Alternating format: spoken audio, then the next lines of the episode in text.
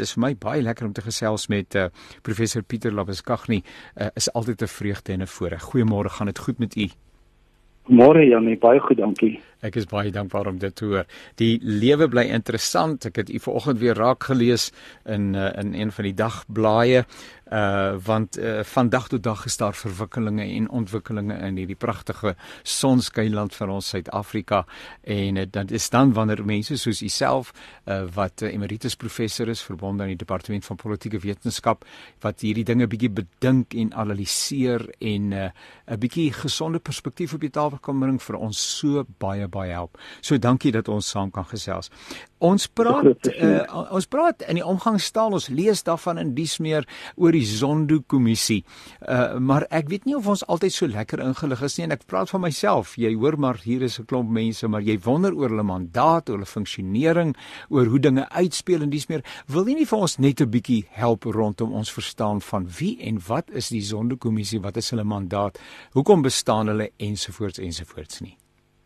Ja, nee, dit is 'n groot plesier. Ek dink net as ek mag, uh, ek dink jy het 'n baie belangrike uh punt gemaak net toe jy oorgeskakel het na my toe en dit is is dat dat dat dat luisteraars moet ingelig wees oor oor die politiek. Ek dink dit is geweldig belangrik uh omdat mense in die politiek natuurlik ingeligte keuses moet maak en ons is ons is blootgestel in 'n baie groot mate aan die sosiale media waarin ja. en baie keer stories sonder substansie versprei word en, ja.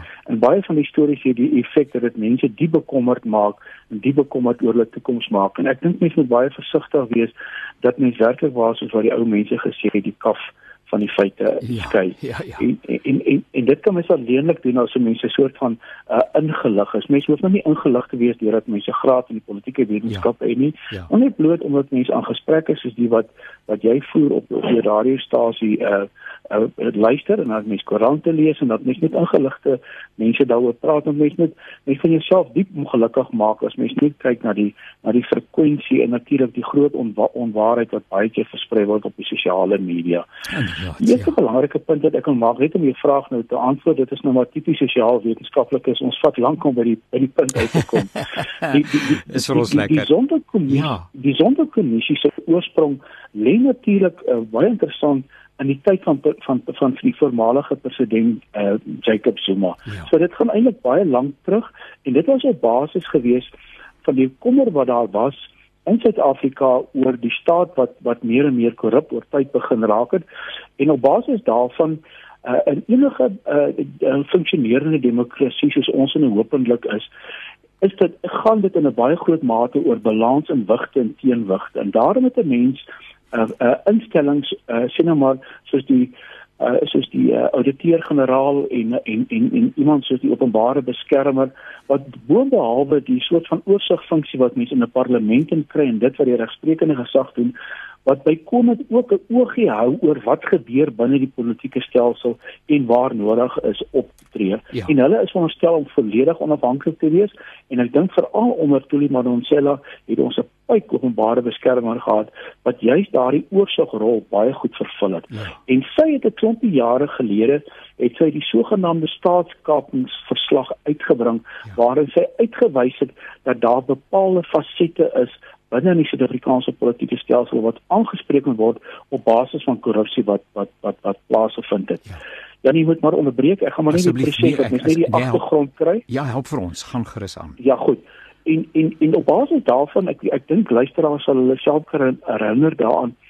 Toe 'n stadium het sy die verslag uitgebring en dit het bepaalde riglyne aan president Zuma uh, gestel wat in plek gestel moet word om korrupsie in Suid-Afrika aan te spreek. Ja. En die luisteraar sal onthou dat dit het geëindig in die konstitusionele hof waarin president Zuma destyds aangevoer het dat hierdie is maar net aanbevelings waarvan hy moet kennis neem en dit is nie regtig remedierend nie. In ander woorde, hy hoef nie werklik stappe toe te pas nie. Ja, ja. En en in die hofsaak wat gevolg het, het hoofregter Mogeng Mogeng ja. bevind nee, dit is wel remedierende stappe wat toegepas moet word en hy moet op basis daarvan handel.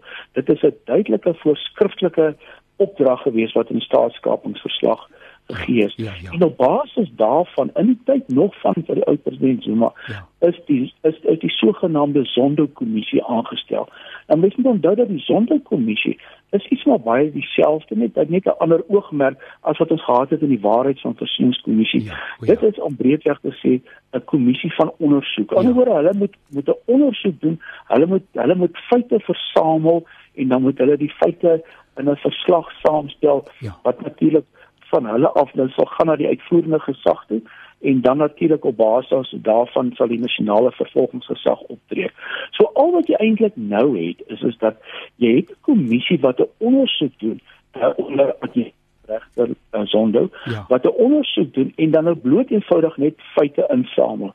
En daar word wel gelei deur advokate, maar dit is nie dieselfde as as as as 'n hof nie. Hulle kan nie bevinding maak ja. in iemand skuldig of onskuldig bevind nie. Hulle kan nie 'n persoon kruis ondervra nie. So die bekommernis wat iemand het soos byvoorbeeld uh oud president Zuma is in 'n groot mate ongegrond want die getuienis wat selfs teen hom gelewer word ja sal uiteindelik indien die na, nasionale vervolgingsgeslag sou besluit om vervolging in te stel teen teen individue waar daar ooglopend bewyse van is in die Zondo-kommissie sal na hof toe moet gaan en dan sal dit deur hierdie hele stelsel moet gaan van kruisondervraging en en van toetsing en die wederwysige stel van standpunte.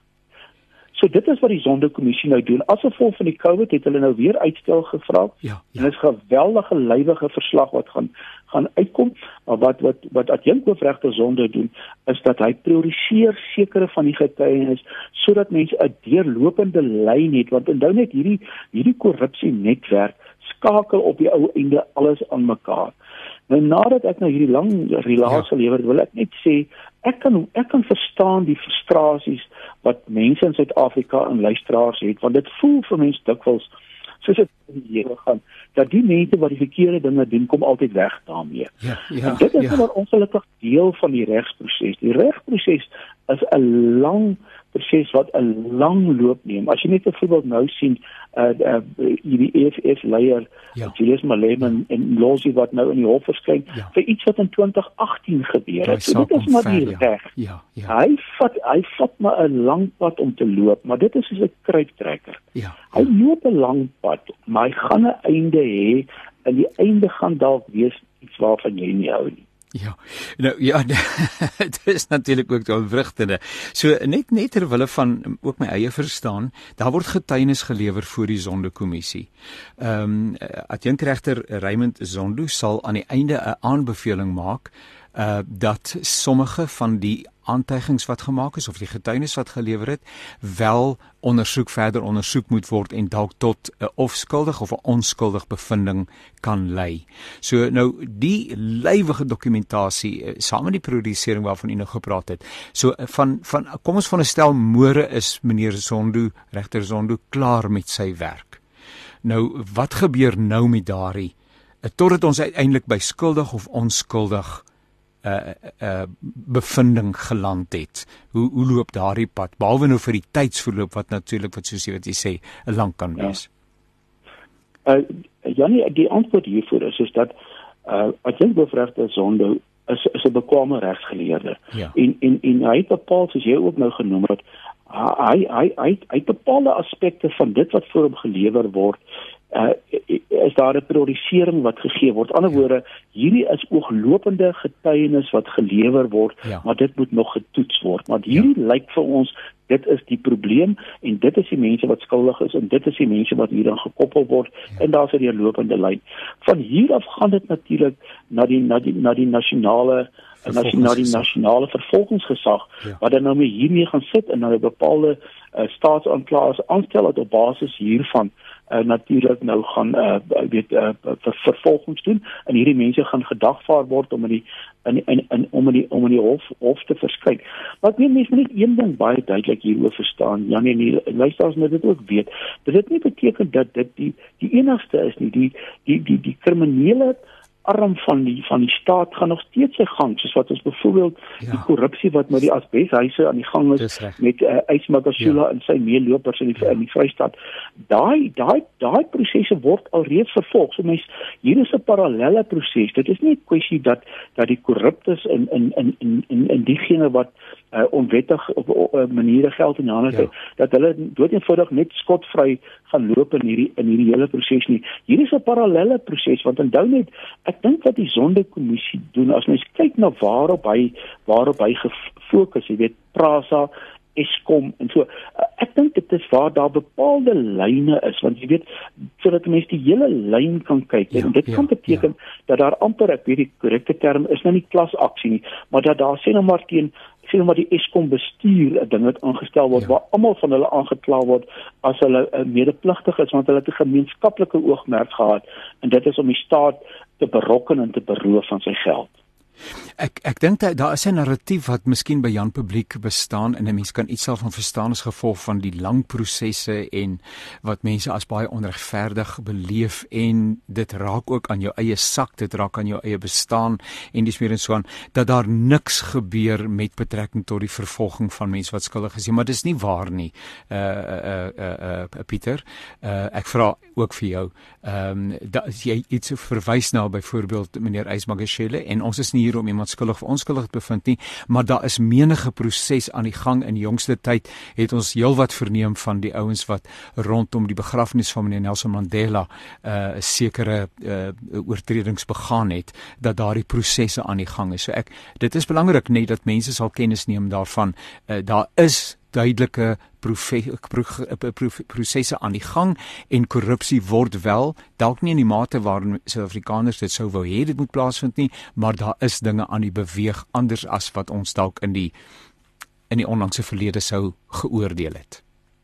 Ja, en absoluut reg. Ek verstaan die frustrasie en natuurlik ek was ook baie keer baie keer frustreerd uh, hieroor, maar dit is maar net dood eenvoudig die die die die hele proses. Dit is nou interessant wat jy genoem het van die die begrafnis van oud president uh, Mandela.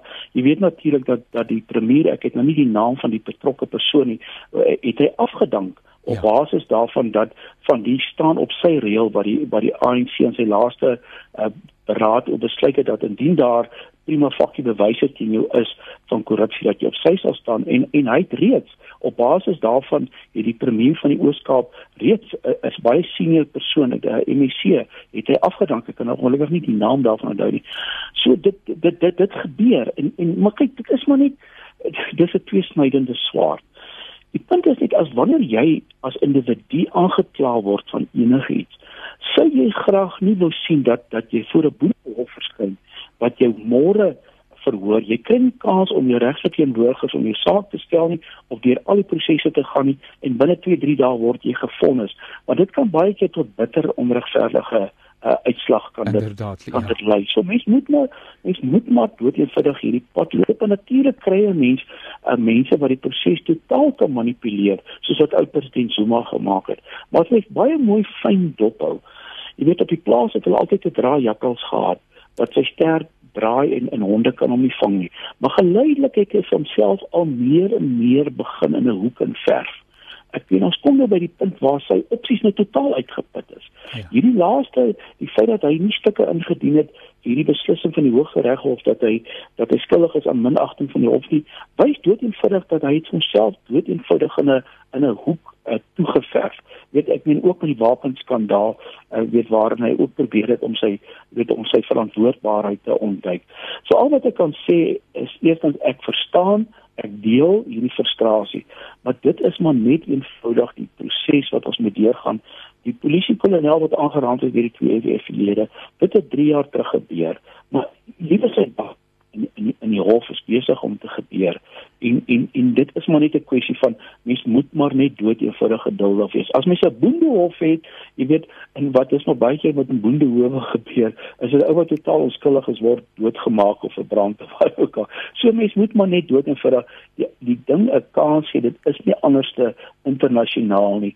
Uh ons howe is natuurlik weet ek en hulle hulle hulle, hulle kapasiteit is oorskry.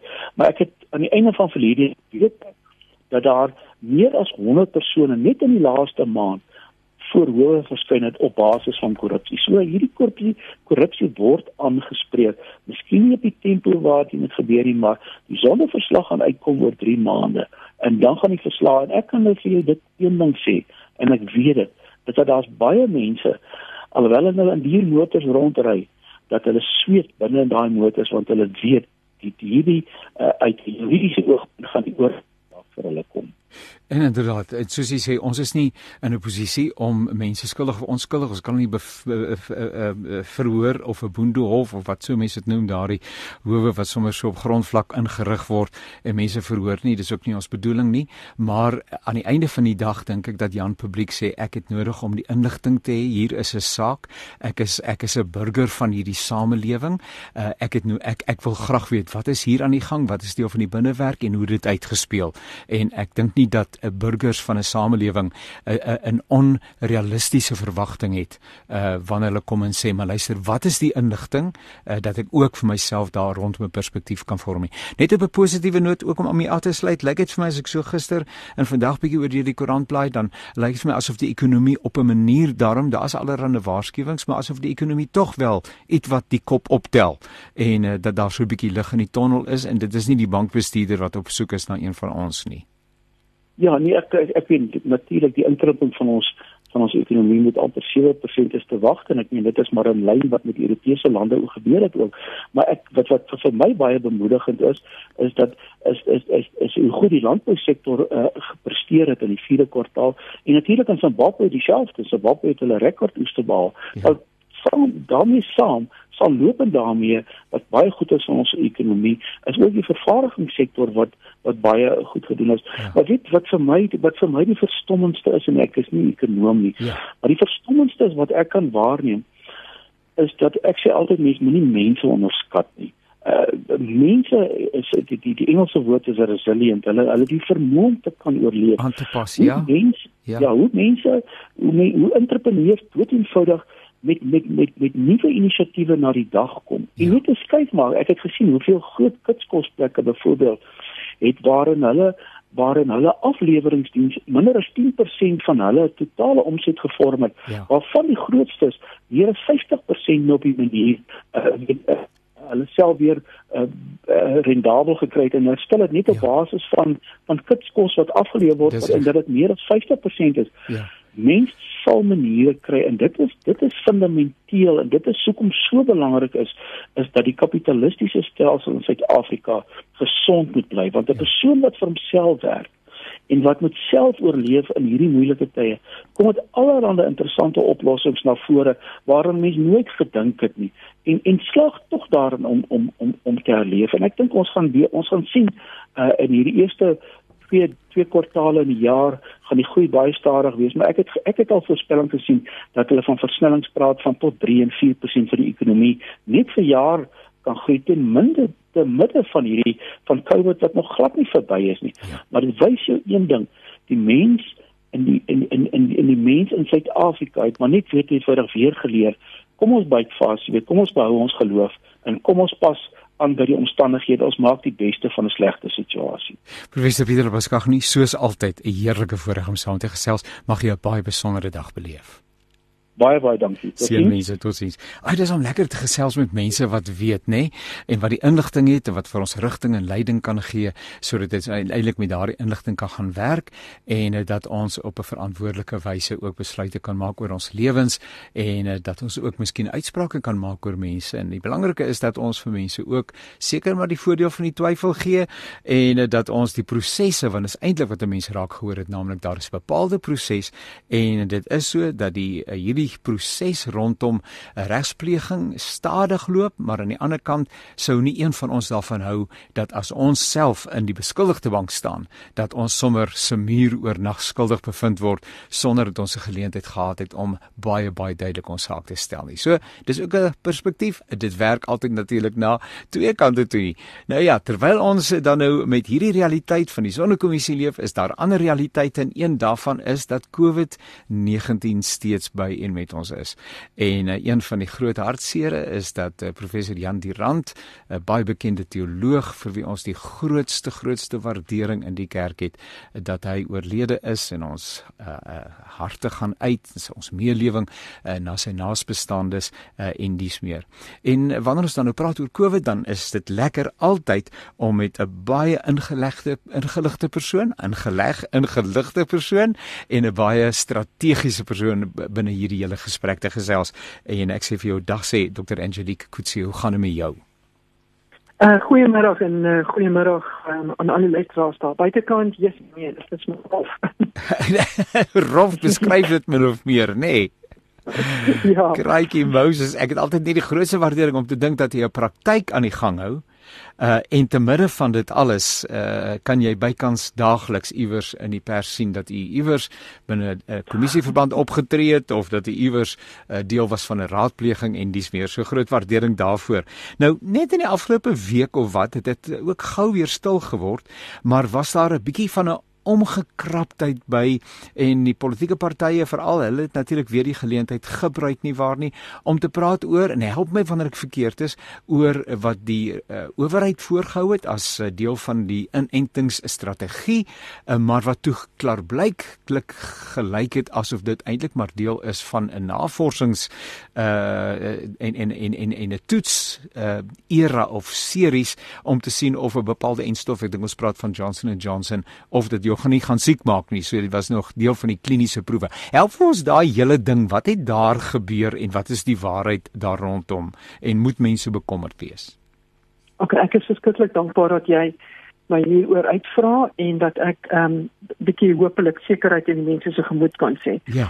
Kan gee. So verskoon as ek tussen in 'n paar Engelse woorde gooi. Ja, doen dit asseblief. Ons is tweetalig. Ja, ja, ons praat al die tale. ja, daar is nie 'n maklike woord te kry van die goed nie. Ehm um, ja.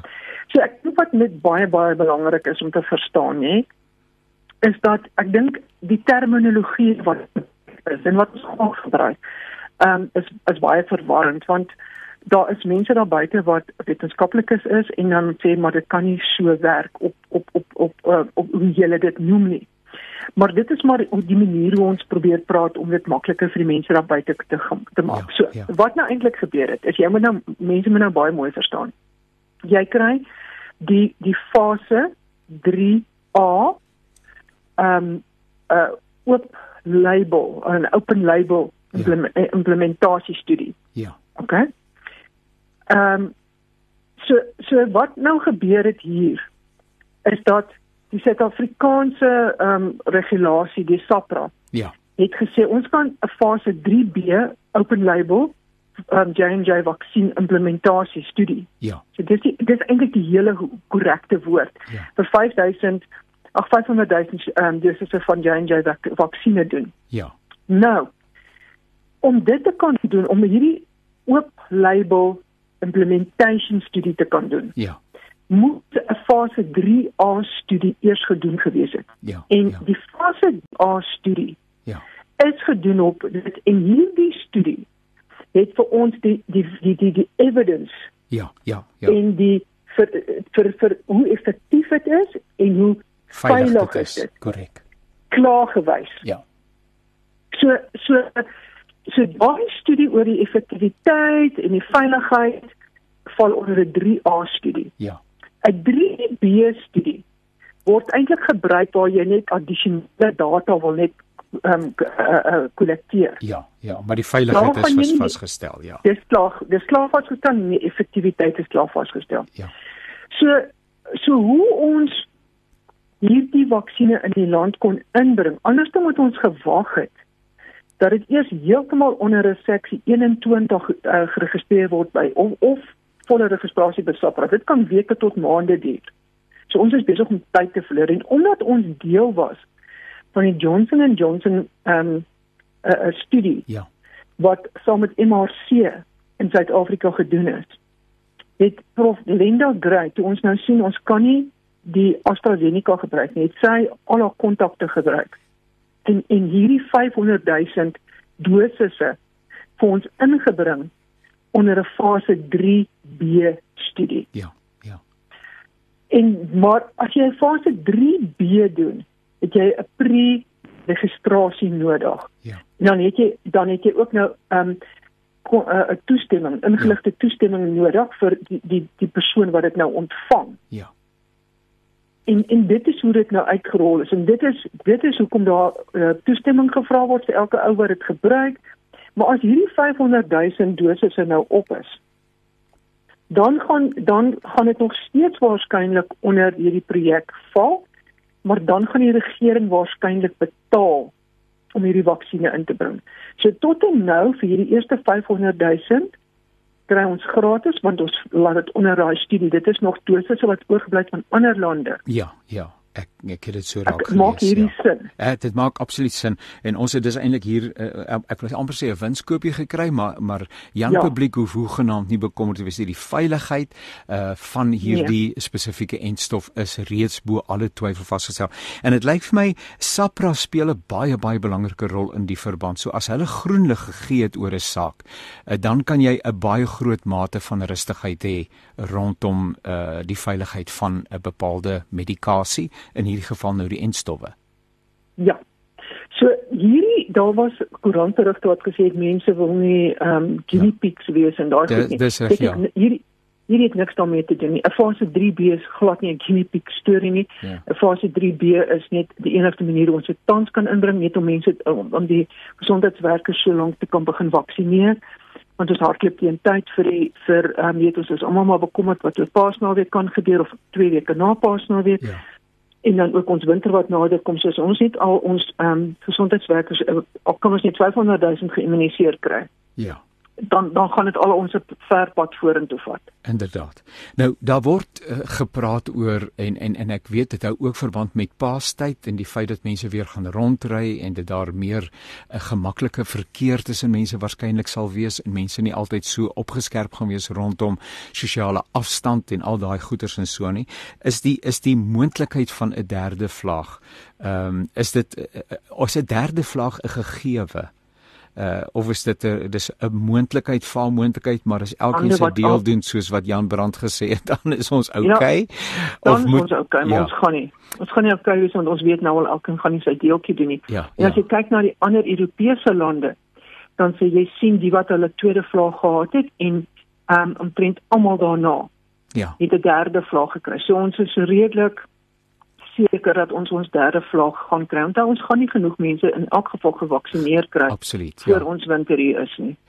So we can't let our guard down soos hulle altyd sê en so maar nou hierdie ja. hierdie derde vlaag wat ons nie weet nie of weet ons dit uh, uh nie dat hy hoegenaamd onverskillig wil staan en sê nou ja in elk geval nie. Maar uh, maar dit was juist die tweede vlaag wat ons um, ek weet nie of ek die woord onvoorbereid kan gebruik nie, maar ek bedoel dit het onder ons gesaai en gemaai soos wat nie voorsien is nie. Uh uh hierdie derde uh, ons weet glad nie kom ons veronderstel daar's 'n derde vlag. Ons weet nie wat die intensiteit en die uitwerking daarvan gewees en op watter maniere homself gaan presenteer nie. Of weet ons nou al uh, ja, daar kom 'n nee. derde vlag, maar dit sal nie so erg wees nie. Nee, ons weet ons weet ons moontlikheid om 'n derde vlag te kry is baie baie groot. Goed. Ons weet nie wat ons gaan kry nie. Onthou dit is wat gebeur het met die tweede um, vraag wat ons gesien ja, het is ja. dat die virus het homself heeltemal gaan muteer. Hy het sy lyn verander of in sy stam het hy van verander en hy het ja. hom gaan muteer. En um en in in sy mutasie was ons so aard dat hy baie vinnig gesprei het. Hy was nie meer dodeliker as die eerste vlaag nie. Dis ja. net hy baie vinniger versprei. So ons weet nie ons weet nie wat ons weet nie wat ons gaan kry nie. Ja. Ehm um, en dit gaan baie afhang ook weer van uh, uh ehm um, reise, jy weet as ja. jy jy weet as jy ehm um, ander kyk die probleem is Engeland het ander tipe variante as wat ons het. Ja. En ehm um, ons kan ons net oorvat Engeland en Engeland kan hulle sinne vir ons terugbring. En Brasilia en kan vir ons ook ietsie bring. Presies, want dis die drie ja. groot probleme. Ja, ja, ja. En en as al die drie hierdie saamkom en hulle meteer in een in, is ons ja. regtig 'n groot moeilikheid. Maar ons ons weet nie, ons weet nie. Hier's 'n vraagie wat nou net ingekom het op ons uh, WhatsApp en ons waardeer dit 0826572729 en sy sê Jannie, wat word in fase 3B getoets? Niks. Niks word in fase 3B getoets nie, dis alles afgehandel in Goed. fase 3A.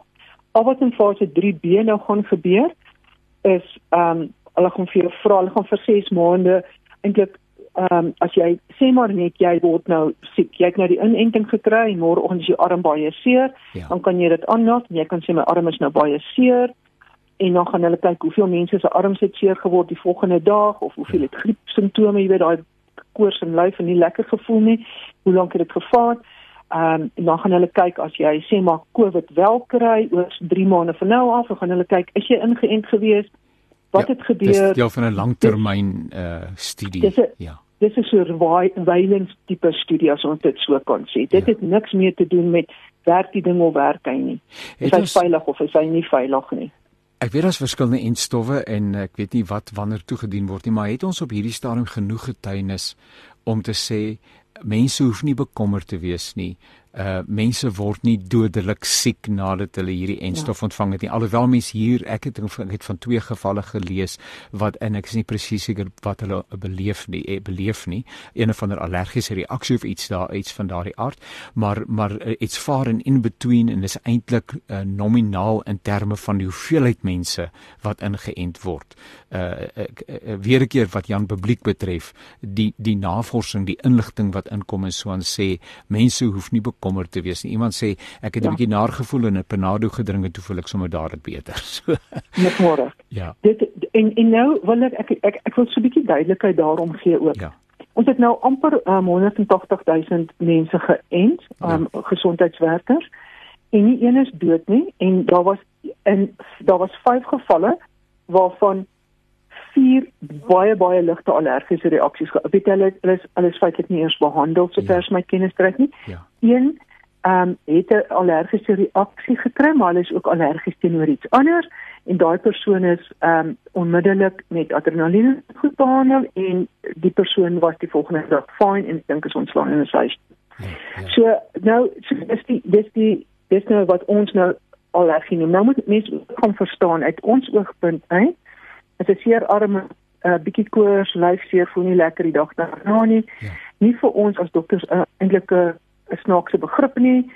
Vir die pasiënt is dit waarskynlik erg. Ja, ja, ja. Maar maar dit is nie allergiese reaksie nie. So iets wat verskriklik belangrik is en dit is wat mense baie keer ook vir ons sê, ek wil nie 'n griepespuit hê nie want ek het siek geword na dit. Ja. So wat gebeur eintlik as jy kry jou vaksinne? Ja. En dis 'n dis 'n respons van die liggaam van jou eie liggaam se antiliggaampies ja. wat 'n oorweldigende um, aanval dan loods teenoor daai vreemde antiliggaampies of wat nou net of antigene wat in jou in of vaksines wat ek iewers dit daai dit so noem wat in jou arm gespuit is en dan voel jy nie lekker nie jy kan bietjie koorsig en goed voel en dan dink jy dis 'n allergie wat jy het of jy het nou siek geword dis eintlik jou liggaam se reaksie die, om jou te verdedig ehm um, teenoor wat nou in die liggaam ingekom het. So jou soldaatjies het net Dit is eintlik 'n goeie ding. Ja, ja, ja. Uh, dit is sommer net op 'n op 'n op 'n op 'n ligte noot en daarmee verskriklik dankie en ek ek moet sommer weekliks met u gesels terwyl ons met hierdie werklikheid te doen het want ons gaan volgende week gesels met uh, en uh, met 'n dame professor in die in die sielkunde en dis meer wat bietjie gaan praat oor hierdie ander vlaag Ehm um, en as ek het, ek ek noem dit maar in my eie gesprek sa. Daar's 'n ander vlak en dit is die emosionele uitwerking ja. wat uh, hierdie hele ervaring wat ons nou ons is ons is nie eers uit dit uit nie alhoewel op die oomblik ons daarom nou in in in fase 1 van inperkings maar maar die emosionele impak wat dit in die lewens van mense het want hy speel eintlik nou eers uit lyk dit vir my. Maar dit is 'n ander gesprek daai. Ek weet nie met daai naald lyk vir my of hy dwars deur my arm sal gaan want hy is nie verskriklik dik nie. En en hy lyk vir my net ongenaakbaar lank. So ek hoop hulle stop betyds want anders is daai eindstof heeltemal gemors Ja, hulle sal hom betyds stop beloof ja. Seënwense, dis lekker om saam te kuier. Baie baie dankie hoor. Dankie tot sins. Dankie, totsiens. Ja, dis lekker om van julle te hoor. 0826572729 en sommer terwyl ons die persoon aanlyn het, kan ons dit ook toets. En uh, ons gaan nou uh, gesels oor iets wat ek raak gelees het in die rapport en wat my intens geraak het. En uh, as jy nou fyn luister, het jy ook dalk 'n vraag in die verband. So dis my 'n uh, baie groot voorreg en ek vertrou dis nie die laaste keer nie. Uh, dat ek praat met professor Susan Olofse en sy's hoofnavorser in afvalbestuur by die WNNR. Goeiedag, hoe gaan dit met u? Goeiemiddag, dit gaan baie goed, dankie. Ek hoop dieselfde daar. Dit is so lekker om saam met u te gesels. Ek uh, lees in Sondag se koerant onder die opskrif die EU en Suid-Afrika pak mekaar oor kos.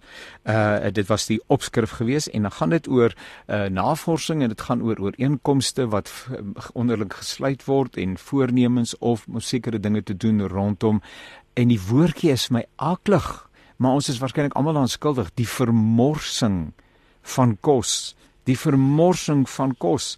Uh, wil nie asseblief vir ons 'n bietjie inlei uh, die agtergrond van daardie spesifieke uh, inisiatief, maar ek het nou so 'n bietjie op die internet uh, gaan dan gaan net probeer agterkom maar wie is die professor Susan Olofs om met wie ek gesels het. Toe sien ek maar eer lankdag terug al geskryf en gesê julle ouens ons moet wakker word en navorsing gedoen in die verband. Gee vir ons 'n bietjie agtergrond asseblief. Dit is reg baie dankie vir die geleentheid. Ja, en ek kan miskien begin by omtrent 2010 toe daar 'n internasionale verslag uitgekom wat 'n skatting gemaak het van hoeveel voedsel daar geproduseer word en hoeveel daarvan vermors word. En op daardie stadium was die skatting dat omtrent tussen 'n derde en helfte van al die voedsel wêreldwyd wat geproduseer word vir menslike gebruik, ja. gaan verlore. Ja. En dit het nogal skokgolwe veroorsaak, soos jy kan dink. Ja, ja. Veral as ons kyk na voedselsekerheid. Ons weet dat daar ehm, 'n um, toename in ehm um, die bevolking gaan wees tot in 2050 en daar word al meer gekyk hoe ons meer effektief kos kan produseer om daardie massas mense te voed. Ja. En in daardie navorsing is daar toe gekyk en gesien maar ook gaan ons gooi eintlik 'n baie groot persentasie van wat geproduseer word weg. Ja. So dit het toe daartoe aanleiding gegee dat die Verenigde Nasies toe hulle die ehm um, volhoubaarheidsontwikkelingsdoelwitte of die Sustainable Development Goals, die SDGs ja. daar gestel het dat hulle 'n spesifieke doelwit gestel het om voedselafval teen 2030 ja. te halveer. En met dit in die agterkop het Suid-Afrika toe aan boord gekom, ons departement van um, handel en nywerheid saam met die verbruikersraad het met befondsing van Verenigde Nasies toe nou gaan kyk of dit daar 'n moontlikheid bestaan om 'n vrywillige ooreenkoms vir almal in Suid-Afrika, um, maar veral gemik op ehm um, die kleinhandel sowel as ehm um, die produsente van voedsel ja. om te kry om dan so vrywillige ooreenkomste onderteken waar hulle dan onderneem om nommer 1 te meet hoeveel voedsel afval ehm um, geproduseer word of hoeveel kos vermors word tydens hulle prosesse en dan wat gedoen kan word om dit te verminder. En soos ek sê, dis op hierdie stadium heeltemal vrywillig, maar ons sien al 'n hele paar um, van die groot name in die voedselbedryf het ja. reeds ehm um, aangesluit by hierdie vrywillige ooreenkoms en het onderneem om die vermorsing te verminder waaroor ek verskriklik dankbaar is. Want die skatting op hierdie stadium ja. is dat in Suid-Afrika daar tussen 9 en 10 miljoen ton kos per jaar wat verlore raak. Dit is verskriklik ontstellend. Dis verskriklik ontstellend. En natuurlik sou ou nou maar vra, maar wie uh, jy het nou ook vir ons verwys na hoeveel en en teen daardie agtergrond uh, het ek ook iewers gelees gaan slaap 14 miljoen mense saans honger in Suid-Afrika. En in die studie wat u onderneem het uh, wat ek ook raak daar raak gelees het dat 1 uit 7 mense in die wêreld is ondervoed. Ly aan wanvoeding dan skree hierdie twee realiteite daarom teen teen mekaar, nê? Nee? Dit is dit is ontstellende realiteite. So uh, wie mors die kos? Uh, wie skuldig daaraan? Ons moet hulle bykom, maar nou voel ek half ongemaklik oor daai vraag. Weet jy, ek moet vir sê, ehm um, my navorsing waarmee ek tans besig is, ehm um, gee my bietjie gemoedsrus dat ons nie heeltemal op die vlakke sit waar ons gereken het ons sit nie. Ja.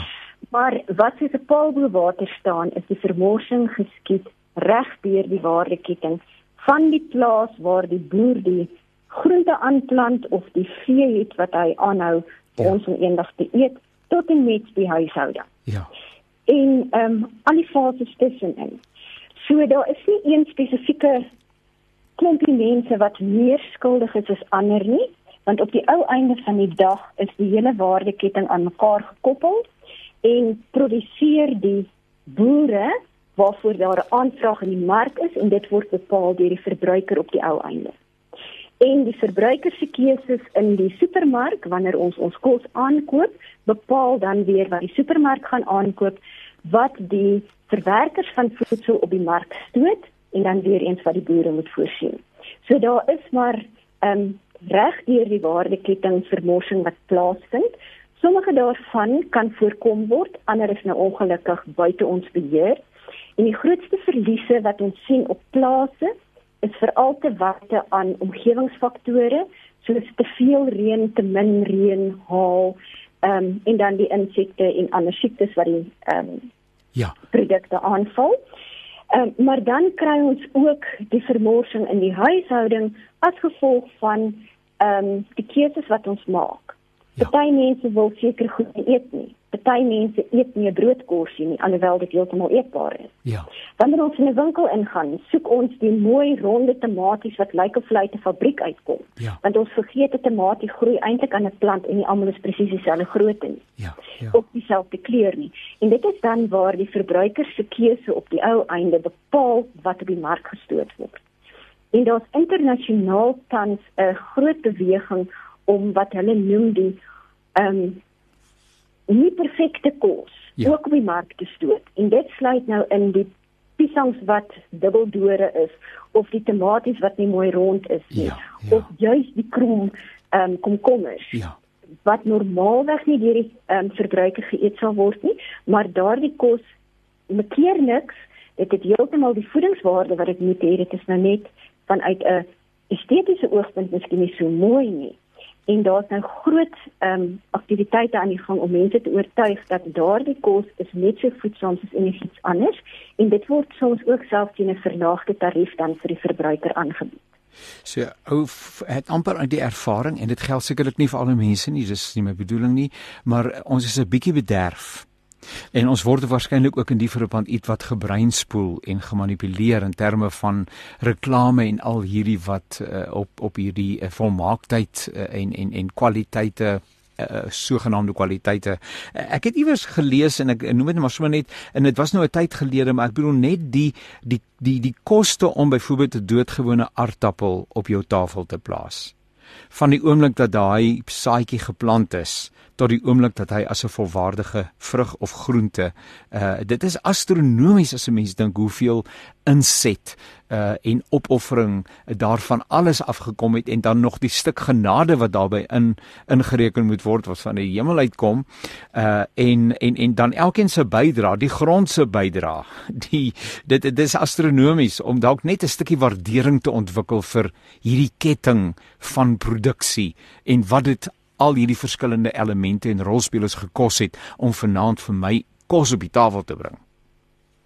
Verseker en nie net dit nie, ook die omgewingsimpakte as gevolg van die produsering van van ons kos. Ja. Ehm um, al die elektrisiteit, al die water wat ingaan om die voedsel te produseer, ja. is eintlik 'n vermorsing as die kos op die ou einde nie, nie deur mense geëet word nie. Ja. En ons sit in 'n waterskaars land, so ons kan dit nie bekostig om water te vermors nie. Ja en ons kan ons kan dit nie bekostig nie. Uh, is daar nou ja, mense moet dan natuurlik vir altyd dit vir iemand anders die verantwoordelikheid gee. Is daar 'n waghond of 'n struktuur wat in plek is wat uh, wat wat hierdie dinge uh, uh, moniteer?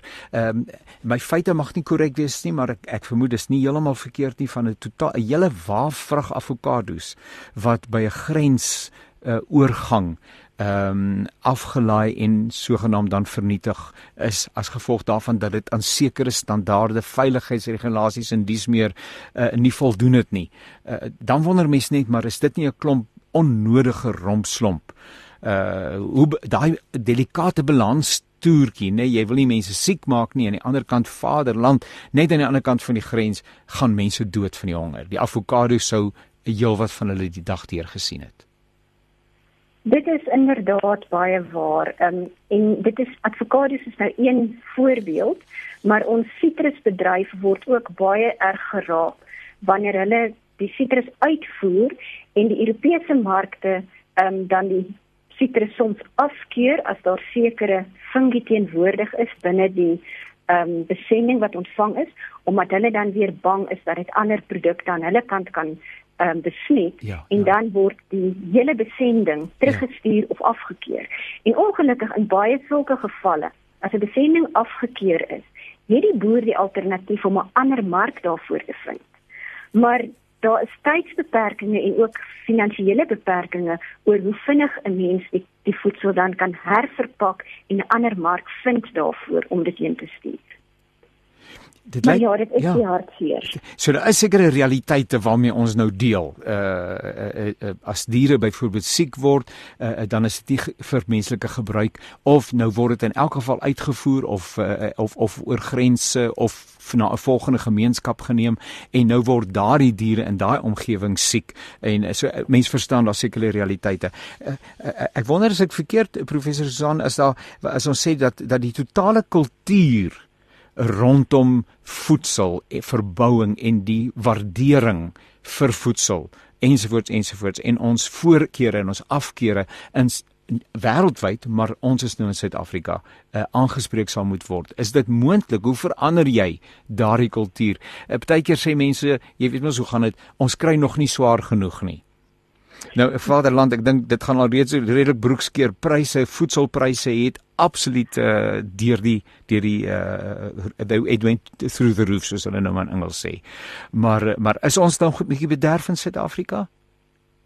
Ek dink inderdaad ons is bietjie bederf, maar ons navorsing het ook gewys dat baie van die vermorsing op verbruikersvlak in die huishouding gaan gepaard met wanpersepsies rondom die datumstempels op kos.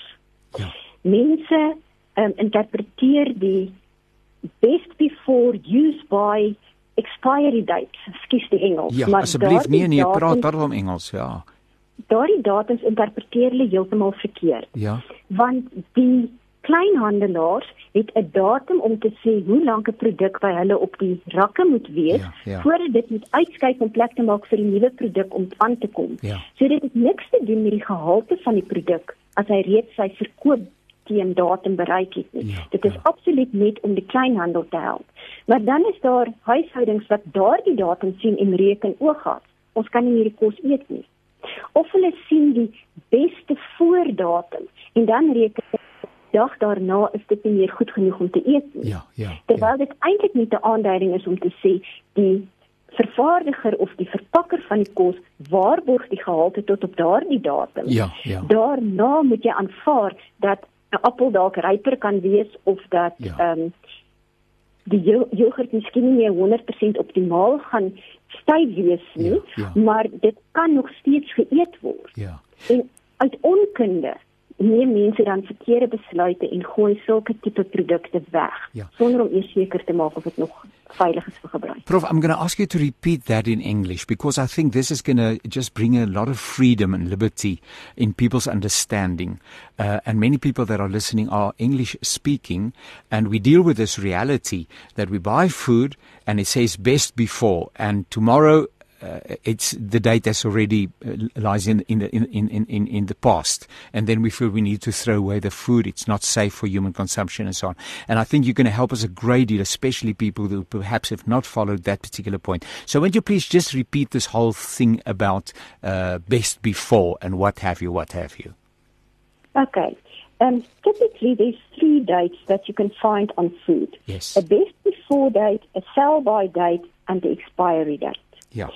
The sell by date has nothing to do with the consumer. That is for the retailer to know that the food must move off their shelves to make space for new food to come in. Okay. But part the sell by date is still very good for consumption. The best before date means the producer guarantee the quality of the food up until that date. It does not mean that it is not safe for consumption after that date. It only means that the color may change, the consistency may change, or the sugar levels may change. And in some instances, the food may, may even taste nicer after the best before date. Yes, like wine, eh?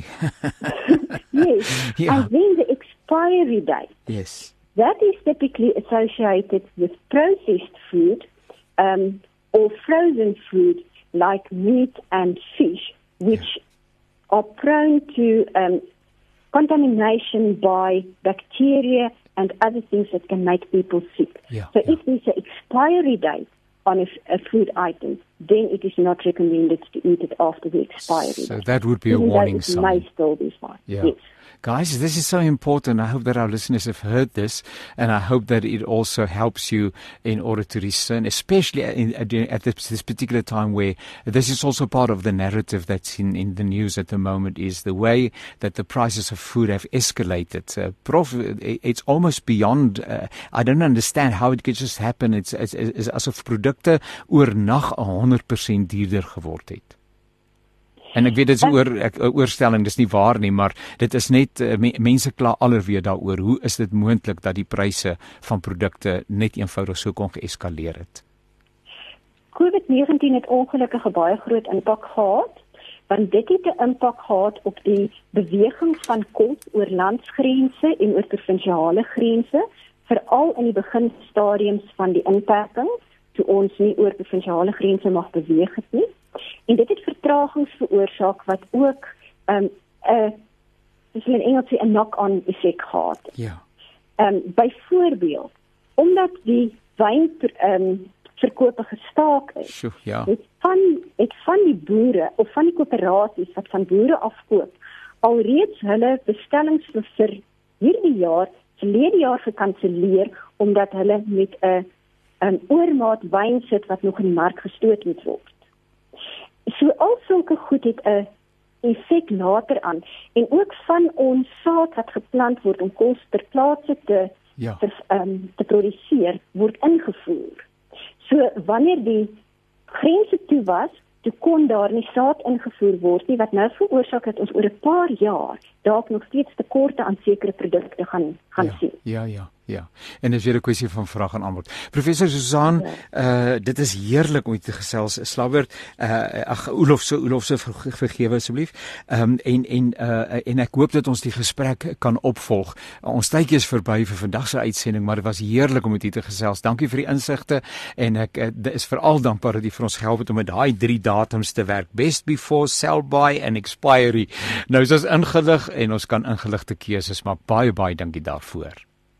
Baie dankie vir die geleentheid. Seënwense totsiens. So gesels uh, professor uh, Susan Olofse, sy's hoofnavorser in afvalbestuur by die WNNR.